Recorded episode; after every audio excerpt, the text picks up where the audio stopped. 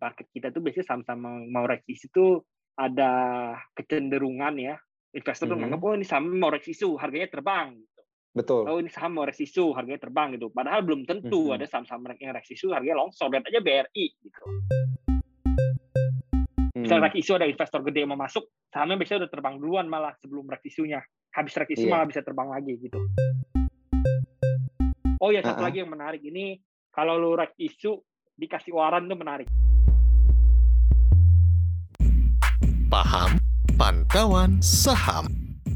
Makin paham makin cuan. Halo Sobat Cuan, ketemu lagi bareng gue Daniel Wiguna dan rekan gue. Tri Putra dari tim riset CNBC Indonesia Seperti biasa, segmen kita kali ini adalah paham, pantauan saham. Semakin paham, semakin cuan. Cuan. Nah, ini Sobat Cuan, ini pasti udah pada cuan ya, gara-gara kemarin kan minggu lalu kan ini buka udah IPO nih. Kayaknya udah banyak nih ya yang ikut arahnya, arah bro. berlipat-lipatnya gitu ya. Oh, masa longsor tadi udah arah loh, 25% loh. longsor hari ini hari ini Waduh. close-nya 23 eh apa 3 persen apa 4 persen ya dari 20 dari arah kan itu Dari yang hak arah dipucuk pasti turun. pusing itu sakit kepala langsung ya. Padahal kan orang pikirnya Minus bakal 20% berkali-kali kan? lipat kan. Mm-mm. Tapi Ya, ini mirip dengan yang gua- kita udah bahas ya bro enggak ya. ya Berapa waktu soalnya yang emang lalu.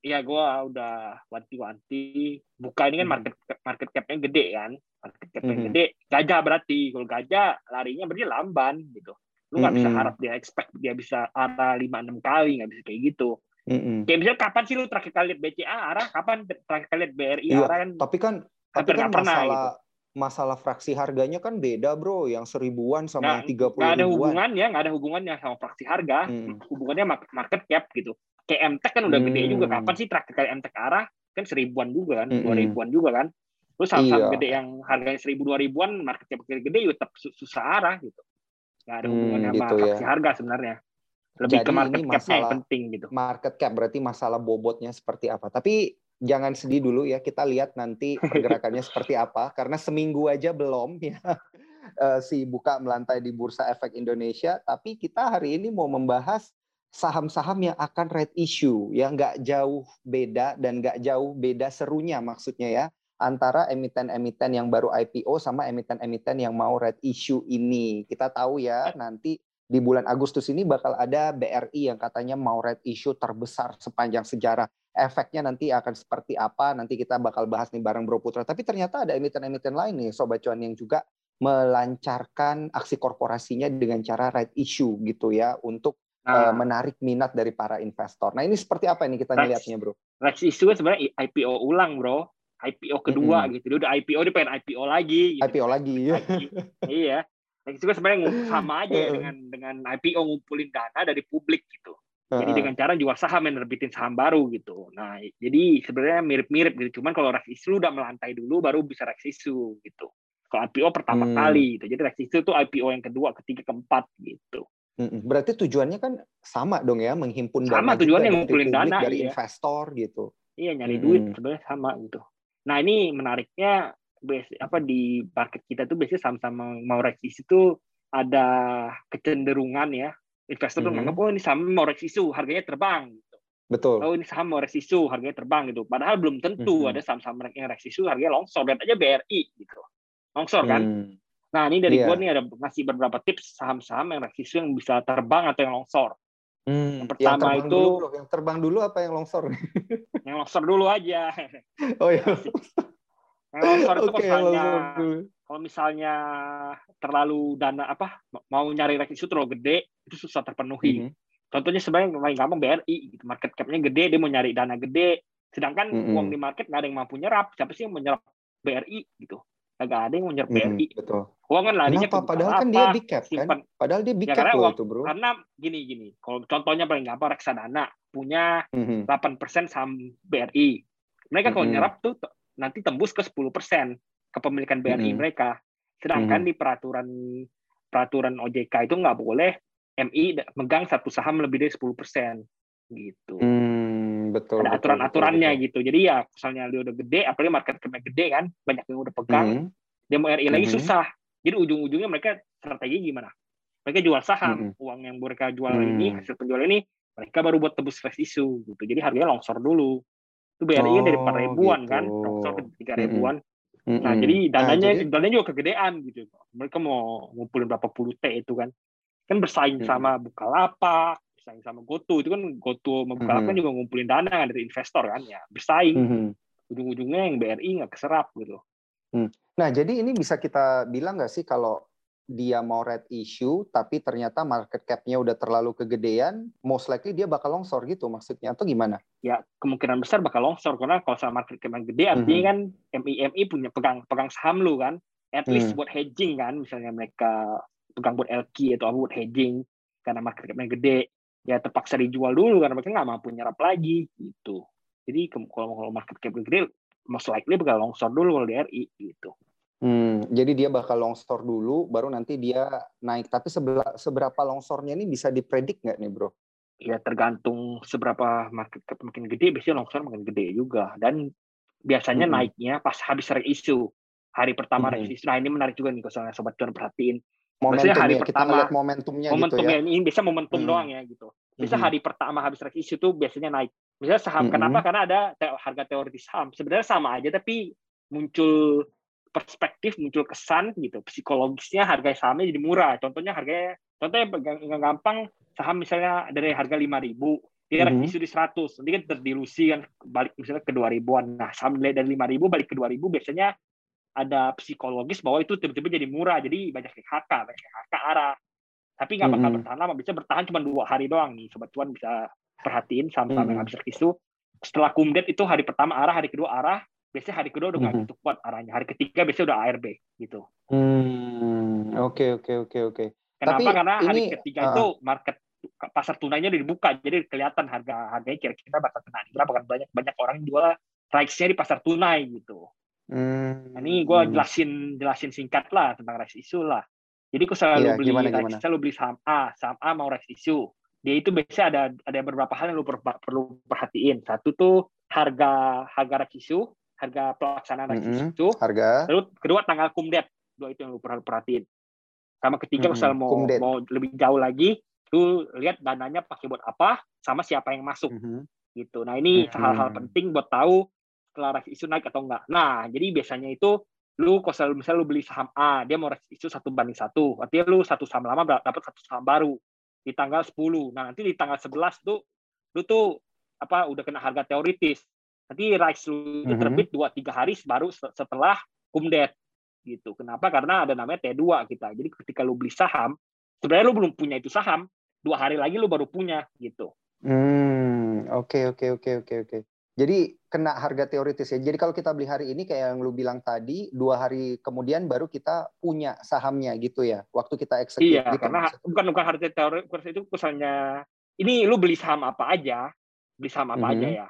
Misal lu beli hari ini, lu belum dapat saham itu sebenarnya. Dua hari lagi lu baru Hmm, punya dua saham hari. itu. Iya iya iya Iya, karena iya. transaksi settlement-nya T plus 2 gitu. T plus Jadi dua, ketika betul, lu beli betul, betul. harga kumdet, itu lu belum apa dua hari lagi biasanya baru diterbitin rights issue lu gitu. Nah, Hmm, issue ini oke, tuh oke. biasanya cuma bisa dijual di pasar tunai gitu. Jadi kalau misalnya lu misalnya dijual di pasar tunai artinya lu nggak bisa contohnya lah gini. Misalnya kalau misalnya lu jual di pasar reguler kan pe- penyelesaian T plus 2 kan. Mm-mm. Nah, kalau di pasar tunai lu langsung cash T0 gitu. Jadi lu bayar pakai cash, lu terima cash, langsung settlement. Kenapa? Karena oh gitu. biasanya iya karena karena biasanya rights issue itu nggak nggak nggak lama bisa cuma tujuh Hmm. minggu masa tujuh minggu lu T2 lagi telat dong nanti susah ribet gitu jadi harus T0 di di perdagangan cuma bisa di pasar tunai gitu Iya Nah, iya iya. Itu beberapa red ada ya. ngasih. Itu untuk Iya, ada. untuk execute red issue-nya harus di pasar tunai berarti kan? bukan untuk jual dan beli right isunya di perdagangan di pasar tunai kalau lu mau Oke. execute lu harus email atau lu bisa di ada beberapa aplikasi yang bisa pencet langsung tapi beberapa harus di email email ke ke sekuritas lu beberapa yang Hmm. yang sekuritas sekuritas bego sekuritas catat nggak bisa sama sekali lu execute Loh, jadi udah beli Iya. udah ngambil red issue-nya tapi nggak bisa execute gimana dong? iya makanya pasti rugi itu ada contohnya tuh sebut saja lah yang yang takjub Dia- takjub sekuritas itu yang itu nggak bisa nggak Oh bisa iya iya iya iya iya iya iya. Oke oke Nah, oke. jadi oke, kalau misalnya lu investor retail sebenarnya pusing, biasanya ya terpaksa jual di tunai. Gitu. Tapi ya, makanya gue selalu nggak sarankan buat orang buka di sekuritas itu gue nggak pernah sarankan. Kenapa? Karena Itu doang apa Ribet- ada yang lain? Ini dia. kayaknya banyak yang nggak tahu Setahu bro. cuman dia, setahu gua cuman dia, setahu gua Oh cuman iya iya iya. Oke. itu Nggak bisa Aladin settle sekuritas ya lah sebut berarti saja ya. lah. Iya. iya. Makanya itu kalau lu, lu bayangin lu beli harga, lu beli saham di harga 5.000, kena harga teoritis Iya. 2.500, Rex lu kagak bisa lu tebus, misalnya angus, Mhm. akhirnya lu langsung rugi setengah, setengah duit lu. Iya, langsung rugi setengah. Iya, karena kena harga teoritis. Makanya i- apa harus harus lu e- either tebus, tebus atau jual di tunai gitu supaya lu nggak rugi. Oke oke. Ini trik-trik yang harus Nah, Ini ah, ini sama sobat cuan ini, bro. Karena kan banyak yang seputar nggak seputar tahu ya. dulu ya sebelum gua bahas kira-kira issue apa yang bisa turun bisa naik gitu. Oke. Nah, terus next lagi ya gue bahas yang bisa turun lagi itu biasanya kalau inbrank, inbrank di Hmm. harga tinggi. Ini contohnya misalnya saham A, dia mau Rex issue Mhm. kan. Dia Rex issue nyerap saham B yang keafiliasi punya saham dia. Oke. Nah, nanti biasanya tuh ada ada orang-orang ilegal-ilegal gitu, manusia-manusia yang tidak amoral. dia tuh bakal valuasiin saham B dia. Ini saham B ini punya milik gua kan. Gue valuasi tinggi-tinggi, bisa harganya cuma 200, divaluasiin sampai 1000. Nah, terus dia Buset. inbrangin ke pasar, iya bisa kayak gitu. Dia inbrangin ke, ke, ke saham RI dia di harga 1000. Mhm. Jadi lu, ter- lu kalau nggak mau nebus di 1000, lu terdilusi parah. Gitu. Ada yang model-modelnya kayak gitu.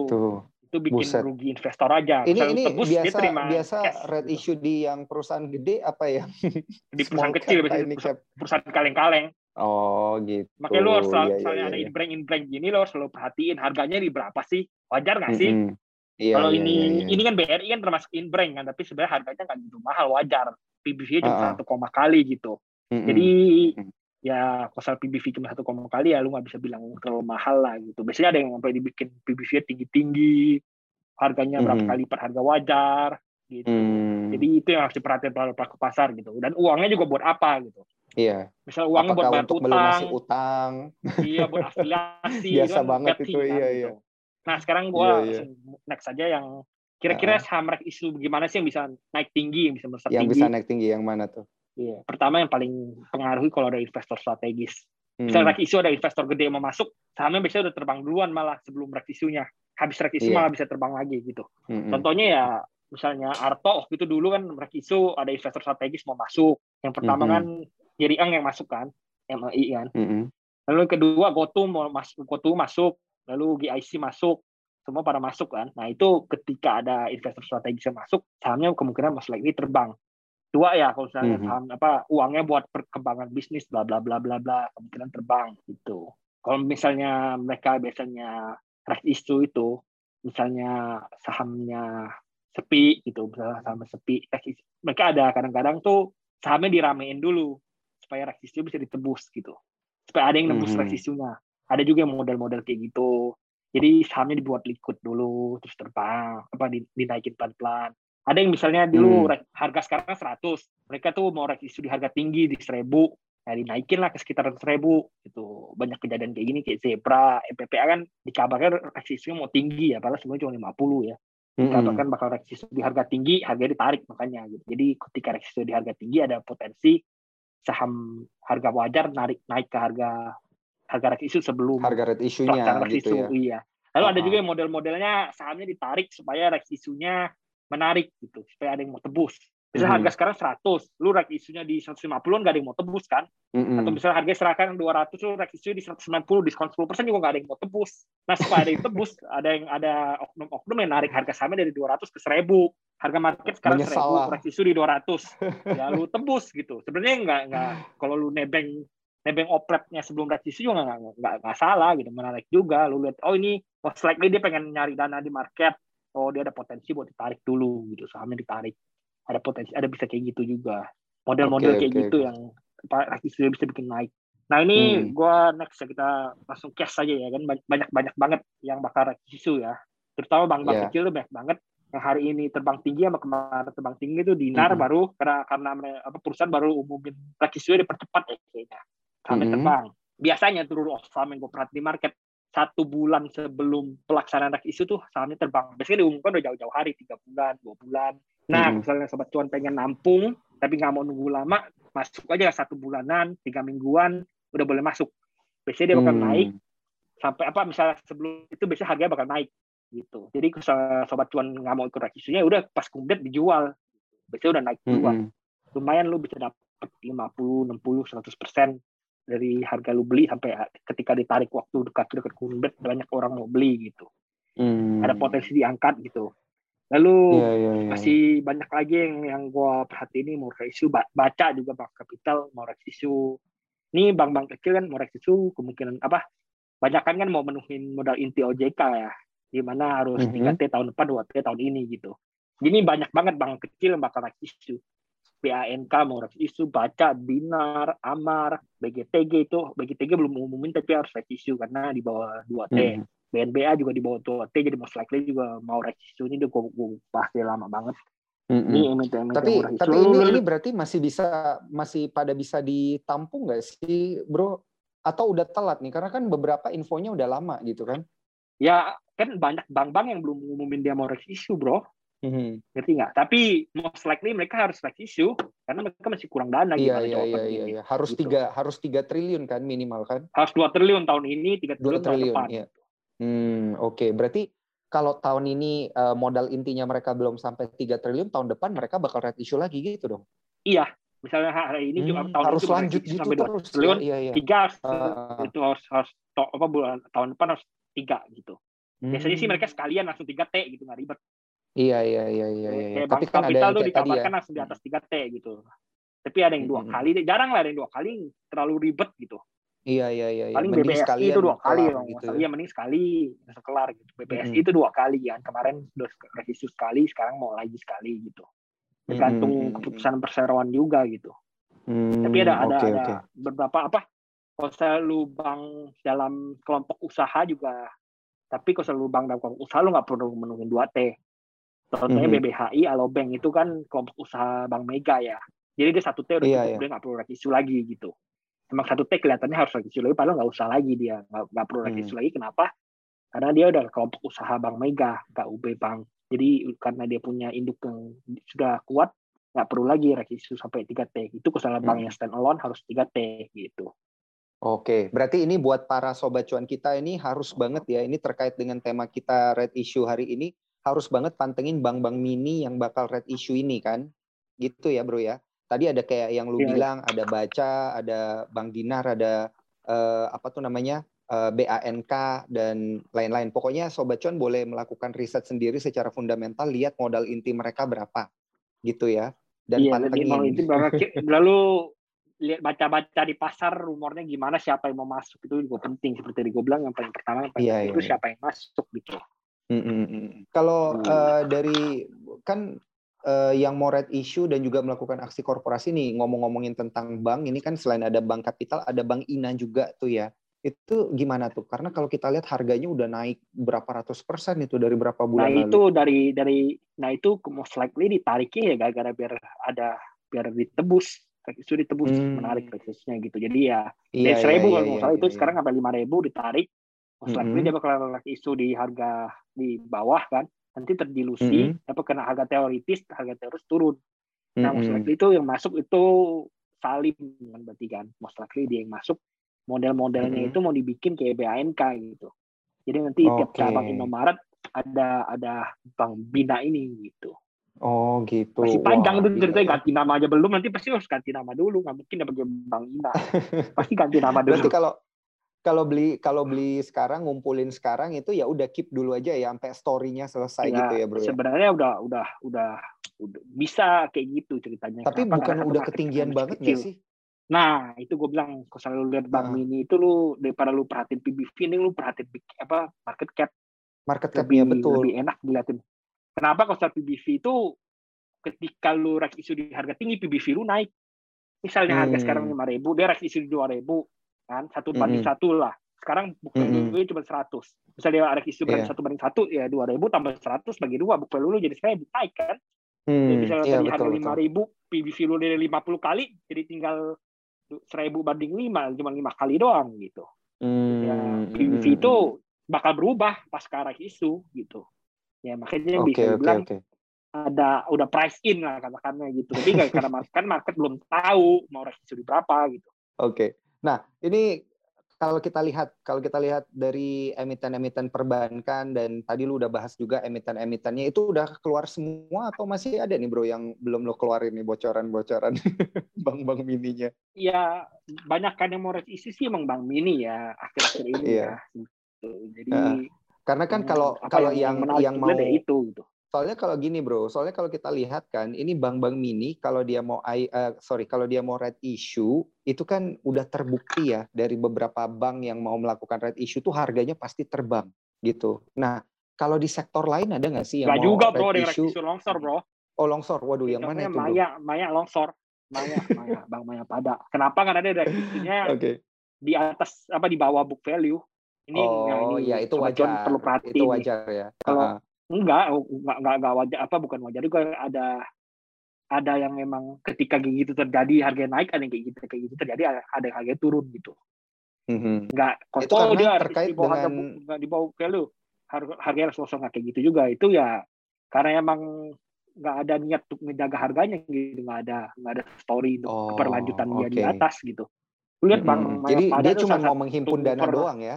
Enggak dia emang ngimpun dana dari publik sahamnya kan kagak liquid gitu Hmm, Oke. Jadi ya emang satu juga jeleknya juga mereka rek isu di bawah di bawah di bawah book value-nya. Contohnya misalnya book value lu 1000, lu rek isu di 400. Seperti kebalikan dari tadi book value lu turun kan langsung kan? turun, iya, Misalnya lu 1000 turun. di ya apa di di 400 ya book value lu turun gitu. Valuasi book value itu valuasi jadi mahal ya. Harganya langsung longsor gitu. Ada yang cerita-cerita kayak gitu juga. Jadi nggak semua rek isu bakal naik. Lu harus Mm-mm. perhatiin siapa yang masuk, harganya di berapa gitu. Seperti yang gue bilang itu hal-hal pentingnya gitu. Mhm. Jadi se- sejauh hari udah bisa ketebak lah ya dia bakal terbang apa enggak. Iya iya. udah Selain, eh, tapi gitu. kan most most likely lebih banyak yang naik gitu kan daripada Iya, yang kayak masalahnya Maya pada gitu kan.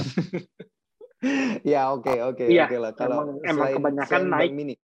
selain Bank Mini nggak nggak gitu banyak ya tahun ini ya. Ada Same kemarin ada isu, CMNP itu perusahaan tol naik juga. Oh ya satu Uh-uh. lagi yang menarik ini kalau lu rek isu dikasih waran tuh menarik. Wah, Contohnya Biasanya BRMS IPO doang baru kasih waran kan friend. ini red issue kasih Enggak. waran. Itu rek isu juga kasih kan gue bilang rek isu itu IPO kedua. IPO yang Jadi kedua. mereka juga ya, bisa nawarin boleh waran. kasih Iya. pemanis gitu ya. boleh ngasih waran. Ini CMNP itu kasih waran harga udah terbang tinggi, warannya udah terbang, CMNP-nya udah terbang gitu. Jadi lu cuannya double biasanya kalau lu dapet waran. Sobat cuan Oh, perhatiin oke, gitu. oke. BRMS Hmm. friend, friend juga udah terbang tinggi dapat waran juga. Hmm, oke Jadi oke. Ini yang nggak menarik diperhatiin gitu, sama sobat cuan. dapat. Iya ini biasanya nggak diperhatiin sama cuan. Kalau mereka ngasih waran, lu harusnya semakin happy gitu. Iya, karena bisa dijual juga kan waran itu bisa Iya diperdagangkan warannya juga bisa dijual, Menarik. warannya juga bisa di hold Ha-ha. lagi. Tapi kan ada masa kadaluarsanya kan. ya biasanya biasanya misalnya lu IPO ya, masa Iya. itu dua tahun warannya. Oke. Misal lu isu lu bisa tentuin agak panjang. Bisa ah, dulu ah. pendek cuma enam bulan, tapi bisa sampai lima tahun kayak friend nggak usah lima tahun kata puasanya biar tuh panjang kayak gitu. Ah, Jadi, oke oke Semakin oke. panjang semakin, semakin panjang waran semakin menarik ya gitu. Mm-mm, Menariknya gini nih. Contohnya paling gampang misalnya harga tebus 100 kan. mm-mm, Harga harga tebusnya 100, harga induknya di 100. mhm. Lalu harga warannya kan berapa? Biasa orang bilang oh harganya paling satu atau nol karena masih rugi gitu. Padahal enggak gitu.